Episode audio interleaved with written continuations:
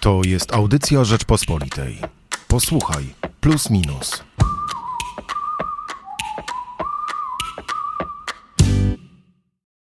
Jak zmienia się miasto? O tym postanowiliśmy zrobić najnowszego plusa minusa i o tym porozmawiamy dzisiaj w redaktorskim plusowym gronie. Hubert Salik i Michał Płociński. Obaj mieszka Michale mieszkamy w Warszawie mm, i to od dłuższego czasu. E, w Warszawie też poświęciliśmy nasz główny tekst e, dotyczący w zasadzie migracji ludności w obrębie, e, w obrębie miasta, ale też do miasta. Zebraliśmy, zdobyliśmy dane dotyczące tego, kiedy ludzie logują się do sieci, więc są to dane z smartfonów, do sieci komórkowej. E, I między innymi dzięki temu wiemy już, gdzie kto pracuje, gdzie kto nocuje. I ten rozkład może nawet nie jest aż tak zaskakujący, bo jak Państwo sięgną do najbliższego plusa, minusa, zobaczą Państwo, tu zdradzę tylko część, że dzielnicami, w których e, pracujemy e, wie, bardziej niż w nich śpimy, czyli mieszkamy, są Wola, Mokotów i Śródmieście. Czy coś z tych danych było Twoim zdaniem mm, bardziej zaskakujące?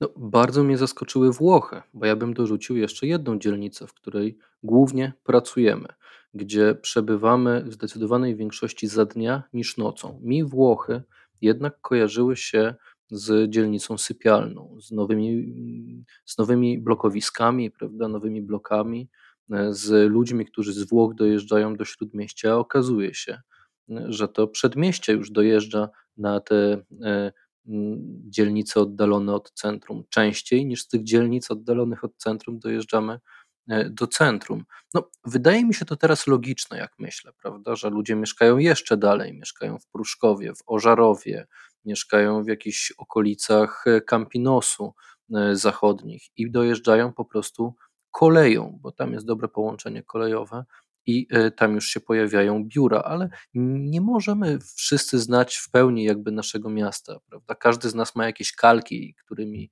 się obraca. No, którymi myśli. No, dla mnie, dla człowieka, który mieszka jednak bardzo blisko ścisłego centrum, to się wydawało, że wszyscy się ładują do tego centrum. Nie myślałem o tym, że ludzie przyjeżdżają pracować na Mokotów, czy właśnie na rzeczone Włochy, ale też, że Wola w tej chwili jest takim centrum biznesowym. No, mimo, że Hubert, obaj na tej Woli bardzo dużo czasu spędzamy, bo tam jest przecież redakcja Rzeczpospolitej. Dla mnie Włochy nie są aż takim zaskoczeniem. Jak troszeczkę się nad tym zastanowiłem, to doszedłem do wniosku, e, że dane dotyczące logowania ze smartfonów e, nie uwzględniają e, długości czasu, kiedy w obrębie danego BTS-u przebywa dana osoba, a mm, Włochy są dzielnicą, w której jest umiejscowiona mm, znacząca część obwodnicy mm, Warszawy. W związku z czym możliwe, że te logowania są bardzo krótkie w ciągu dnia, E, ale znacząco zwiększają, zwiększają ten ruch. E, I moim zdaniem to może być odpowiedź na to pytanie, choć oczywiście nie jest to jakaś bardzo dogłębna analiza, bo jednak nie sądzę, żeby Włochy mimo wszystko były dzielnicą pełną biur. E, mnie natomiast trochę zaskoczyła jednak skala migracji spowodowanej wojną bo z tych danych wynika, że e, zalogowanych jest e, do sieci codziennie około 290 tysięcy dorosłych Ukraińców. Podkreślam dorosłych, dlatego że wiadomo, że ta migracja e, związana z wojną jest też głównie związana z migracją kobiet razem z dziećmi. Więc może się okazać, że tych Ukraińców w Warszawie i w miejscowościach mm, dookoła niej mieszka nawet pół miliona. No ale ciekawe jest, co dalej. Jak można takie dane z tak zwanego geotrappingu wykorzystywać przy projektowaniu e, miasta, bo widzimy, że dużo się zmienia w ostatnich latach. Pandemia, wojna, ale też po prostu bardzo szybki rozwój nie tylko jeśli chodzi o jakieś, nie wiem, wysokie technologie, duże biura i tak dalej, ale po prostu rozwój polskich, polskich miast, w których dużo się dzieje samo z siebie, gdzie, gdzie tej pracy no, wciąż jest sporo, ludzie, ludzie wciąż się garną do Warszawy, Wrocławia e, czy e, Trójmiasta, e, a mam wrażenie, i nie tylko ja, bo To też mówi na przykład Łukasz Drozdy, autor książki Dziury w ziemi o patodeweloperce w Polsce, który udzielił wywiadu nam do najnowszego wydania magazynu e, Plus Minus, który mówi, że no, rzeczywiście te miasta niezbyt się zmieniają i że nigdy nie mieliśmy poważnej polityki mieszkaniowej, że nawet mieszkalnictwa perelowskiego, które dzisiaj często jest idealizowane przez młodych, to tak naprawdę za niewiele rzeczy można, można dzisiaj e, doceniać. Raczej, raczej trzeba patrzeć na to, jak to wszystko było niezorganizowane, robione po kosztach, na szybko i dzisiaj z tymi problemami też się musimy zmagać. No, mimo, że urbanistycznie ono na pewno było lepsze niż, niż dzisiejsze, jeszcze bardziej chaotyczne e, budownictwo, no ale generalnie nasze miasta trochę rozwijają się samoczynnie, bez planu, bez e, założeń urbanistycznych, bez e, jakichś wymagań odnośnie jakości życia, że ciągle tak naprawdę, czy to było przed powstaniem przed tak naprawdę odzyskaniem niepodległości w 1918 roku, czy w, między, w dwudziestoleciu międzywojennym, czy po wojnie PRL-u, czy w latach 90. chaotycznych, czy dzisiaj, kiedy wydaje nam się, że jesteśmy dużo bogatszym społeczeństwem i moglibyśmy pomyśleć o takich rzeczach, no to my e, tak naprawdę tą politykę e, mieszkaniową, politykę planowania miast, politykę urbanistyczną spychamy gdzieś na szary koniec polityk e, publicznych. To prawda, ona jest bardzo droga. Polityka mieszkaniowa jest wręcz najdroższą polityką publiczną, a Łukasz Drozda zwraca uwagę, że potencjalnie nawet droższą niż nakłady na ochronę zdrowia. E, więc jeżeli, by chcieli, jeżeli byśmy chcieli się nią e, zajmować, to rzeczywiście e, ona byłaby na tych pierwszych miejscach wydatków budżetowych. Dlatego pewnie tego też nie robimy, no ale w innych krajach wraz z bogaceniem się jednak widać było, że to było traktowane coraz bardziej poważnie. Więc jak my teraz możemy wykorzystać na przykład ten geotrapping i nowe informacje o tym, jak my mieszkamy, do tego, żeby E, poprawić nasze miasta. No, pomysłów wydaje się tutaj sporo, prawda? No jedną z ciekawych informacji, która wypływa z tych danych warszawskich, jest na przykład to, że mm, jedną z dzielnic, gdzie ta zmienność populacyjna między logowaniem za dnia i w nocy, która teoretycznie powinna pokazywać, e, jak ludzie się przemieszczają do pracy i gdzie tak naprawdę śpią, e, jest znikoma wręcz E, na Pradze Północ, gdzie w Warszawie poprowadzono linię metra, e, a bardzo duża na Pradze Południe, która tej linii metra nie ma. Może jest to e, odpowiedź też na Twoje pytanie, że może takie dane trzeba było uwzględnić z wyprzedzeniem przy jednak bardzo, bardzo kosztownej inwestycji. A wracając do patodeweloperki, no i tutaj chyba nikt nie ma wątpliwości, że te ostatnie 30 lat to trochę dziki zachód w świecie e, budownictwa mieszkaniowego, zwłaszcza. E, no to uwagi Łukasza Drozdy mm, są bardzo interesujące. Polecamy Państwu ten tekst, tą rozmowę Aldony Wołkłaniewskiej. Natomiast e, no, pytanie brzmi, jak podchodzić do takiej polityki mieszkaniowej? Bo mm, mówienie o tym, że wydatki na prowadzenie polityki mieszkaniowej mogą być nawet większe od służby zdrowia, od razu jest obarczone założeniem, że państwo za coś musi płacić gigantyczne pieniądze. Państwo, tu powiem trochę e, pewnej narracji, która w Polsce obowiązywała przez pierwsze 20 lat, państwo tak naprawdę e, wydaje pieniądze, które ma z podatków, państwo wydaje pieniądze obywateli. E, natomiast w innych krajach tak naprawdę nie chodziło o wydatkowanie tylko i wyłącznie. Oczywiście jakieś koszty wysokie muszą być poniesione, ale z pewnością, moim zdaniem, nie w skali tego, jaki wymaga e, dobrze funkcjonująca służba zdrowia. Natomiast e, istnieją jakieś ramy prawne, wokół których obraca się to budownictwo.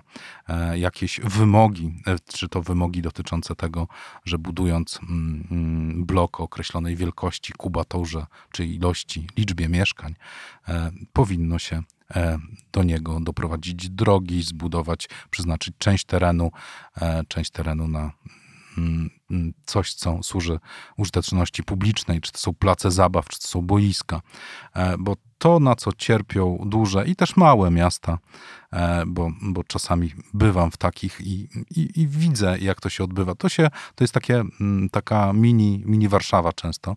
Tam tereny, które wcześniej były współdzielone, na przykład boiska, to widziałem już parę takich przykładów, gdzie coś, co 20 lat temu było miejscem, gdzie dzieci mogły uprawiać sport albo po prostu się bawić, zostało zajęte przez bloki. E, I ten brak myślenia o tej wspólnej przestrzeni jest moim zdaniem chyba największym grzechem w ogóle budownictwa mieszkaniowego w Polsce, a on wynika e, z tego, że prawo nigdy nie wymagało niczego takiego od deweloperów, bo jak wiadomo, koszty ziemi są tak wysokie, że lepiej tam postawić kilkupiętrowy blok, niż zrobić plac zabaw dla dzieci. No, nie chcę wyjść tutaj na jakiegoś przeciwnika wolnego rynku, bo absolutnie nim nie jestem, ale jednak y, potrzebujemy dużego realizmu w, patrzenia, w patrzeniu na, na, na pewne rynkowe e, procesy i obalenia mitów, które funkcjonują, e, szczególnie w kwestii polityki mieszkaniowej. Przez lata mam wrażenie, że tych mitów się namnożyło a one wszystkie tak naprawdę już same się y, obaliły. To nawet nie, nie trzeba ich obalać jakoś bardzo specjalnie. No mówiliśmy o tym, że, że regulacje spowodują znaczny wzrost cen mieszkań, a Polaków nie stać na mieszkania no to nie mamy regulacji, a ten wzrost y, cen mieszkań no, jest spektakularny w ostatnich latach. W Warszawie na spokojnie można w tej chwili w nowym budownictwie znaleźć e, mieszkania, które kosztują powyżej 30 e, tysięcy złotych za metr, a 15 tysięcy złotych na metr to w tej chwili no, niestety jest niski standard na odolanach prawda? Jeżeli mówiliśmy o tym, że musimy jak najwięcej budować, bo, bo musimy zaspokoić ten popyt, olbrzymią potrzebę mieszkaniową Polaków, no to budujemy mnóstwo, a te mieszkania rzadko trafiają na rynek. Rzadko to nie jest, proszę Państwa, zbyt wygórowane, znaczy zbyt duże słowo, bo okazuje się, że w nowych budowanych blokach często połowa mieszkań w ogóle zostaje w stanie deweloperskim. Jeżeli chodzi o mieszkania takie na najem długoterminowy, to może to być jedno mieszkanie na 10 budowanych na przykład w nowych e, budynkach. No to są informacje, które słyszymy od samych deweloperów, oczywiście nieoficjalne, bo żadnych badań się tutaj nie prowadzi i trudno je prowadzić. Nawet geotrapping tutaj jest mocno zawodny, ale co z tym zrobić, jak, jak, jak ten rynek uregulować, żeby mieszkanie zaczęło spełniać po prostu podstawową funkcję, jaką powinno pełnić, czyli być czyimś mieszkaniem, żeby ludzie mogli ten swój głód mieszkaniowy w Polsce zaspokoić, bo to wszystko jest prawda, co mówią e, przeciwnicy regulacji, że my tak naprawdę od początku, nie tylko od wojny, ale i przed wojną mieliśmy olbrzymi głód mieszkań, że w Polsce jest bardzo duży, duży problem mieszkaniowy, tylko my w żaden sposób e, tak naprawdę mm, nie nadganiamy tego Zachodu, gdzie to już zostało dawno e, e, rozwiązane. My ten problem cały czas, mam wrażenie, pomnażamy. I dzisiejsze najmłodsze pokolenie, które przecież no, relatywnie jest dużo mniejsze niż poprzednie pokolenia, e, ma dużo mniejsze nadzieje mieszkaniowe. Jeżeli porozmawiać z młodymi, a takie badania socjologiczne są już robione, to oni nie mają dużych nadziei na zaspokojenie swoich potrzeb mieszkaniowych, bo ani nie wierzą w to, że będą mogli w najbliższym czasie mieszkanie kupić, jeżeli nie dostaną jego w spadku, albo jeżeli rodzice nie dadzą im dużych nakładów na takie mieszkanie, ani nie wierzą w to, że będą mogli sensowne mieszkania wynajmować i na przykład y, niedługo założyć rodzinę. Czyli my tak naprawdę patrząc na oczekiwania społeczne, to my się cofamy w rozwoju, a nie, a nie rozwijamy, jeżeli chodzi o politykę mieszkaniową. I kończąc, Hubert, y, bo też chcę oddać Ci głos, no ja mam wrażenie, że dużym problemem też i po tekście Jakuba Kowalskiego o geotrappingu i po wywiadzie z Łukaszem Drozdą doszedłem do wniosku, że rzeczywiście jest duży problem z naszym pomysłem na samorząd, na samorząd, który może i sam się rządzi, ale tak naprawdę jest y, zupełnie bez jakiejś dużej władzy, w sensie no, ani nie ma E, dużych kompetencji, ani nie ma e, e, jak, jak zapewnić sobie na to wszystko finansowanie, a co gorsza, no, radni, którzy też nie zarabiają pieniędzy, a można powiedzieć, że raczej działają w czynie społecznym niż, niż są profesjonalnymi politykami, no są niesamowicie narażeni na kwestie korupcji, jeżeli ich największą władzą jest tak naprawdę tworzenie jakichś planów miejscowych i wydawanie zgód na budowę, no to jest y, najsłabszy element niestety systemu. Więc musimy, moim zdaniem, przemyśleć podstawy, a, nie wprowadzać jakieś nieduże regulacje do polityki mieszkaniowej, tylko co dalej z polskim samorządem, który rzeczywiście mógłby odpowiadać za jakieś tanie budownictwo socjalne, czy wziąć większą odpowiedzialność za, za realizację potrzeb mieszkaniowych swoich mieszkańców, no ale dzisiaj jest on tak naprawdę bezsilny, a nie samorządny. Zdecydowanie się z Tobą zgadzam. Mm, może właśnie nadszedł czas, a nawet więcej ten czas mógł nadejść już dekadę albo dwie temu, mm, na zerwanie z dwoma takimi paradygmatami myślowymi, które obowiązują w Polsce i wydają się niepodważalne na poziomie dyskusji, dyskursu. Trudno jest w ogóle mm, o tym dyskutować. E, wychowani jesteśmy w myśleniu przez takie dwa pryzmaty, które jakby z perspektywy czasu nie znajdują, mm, nie znajdują uzasadnienia. E, są w jakiejś mierze mm, rodzicami patologii. Pierwszym z nich jest taki paradygmat o tym, e, mm, mówiący o tym, że mieszkanie może być dobrem inwestycyjnym. E, może powinniśmy zerwać z tym myśleniem i sobie jasno powiedzieć, że mieszkanie służy do mieszkania i to jest najważniejsze w budowaniu mieszkań, żeby dostarczyć ludziom miejsca, w których mogą żyć i jednocześnie dać im poczucie bezpieczeństwa, bo to chyba jedna z najważniejszych rzeczy, jaką, jaką daje, jaka daje poczucie bezpieczeństwa, to własne o właśnie, czy własny, dach nad głową.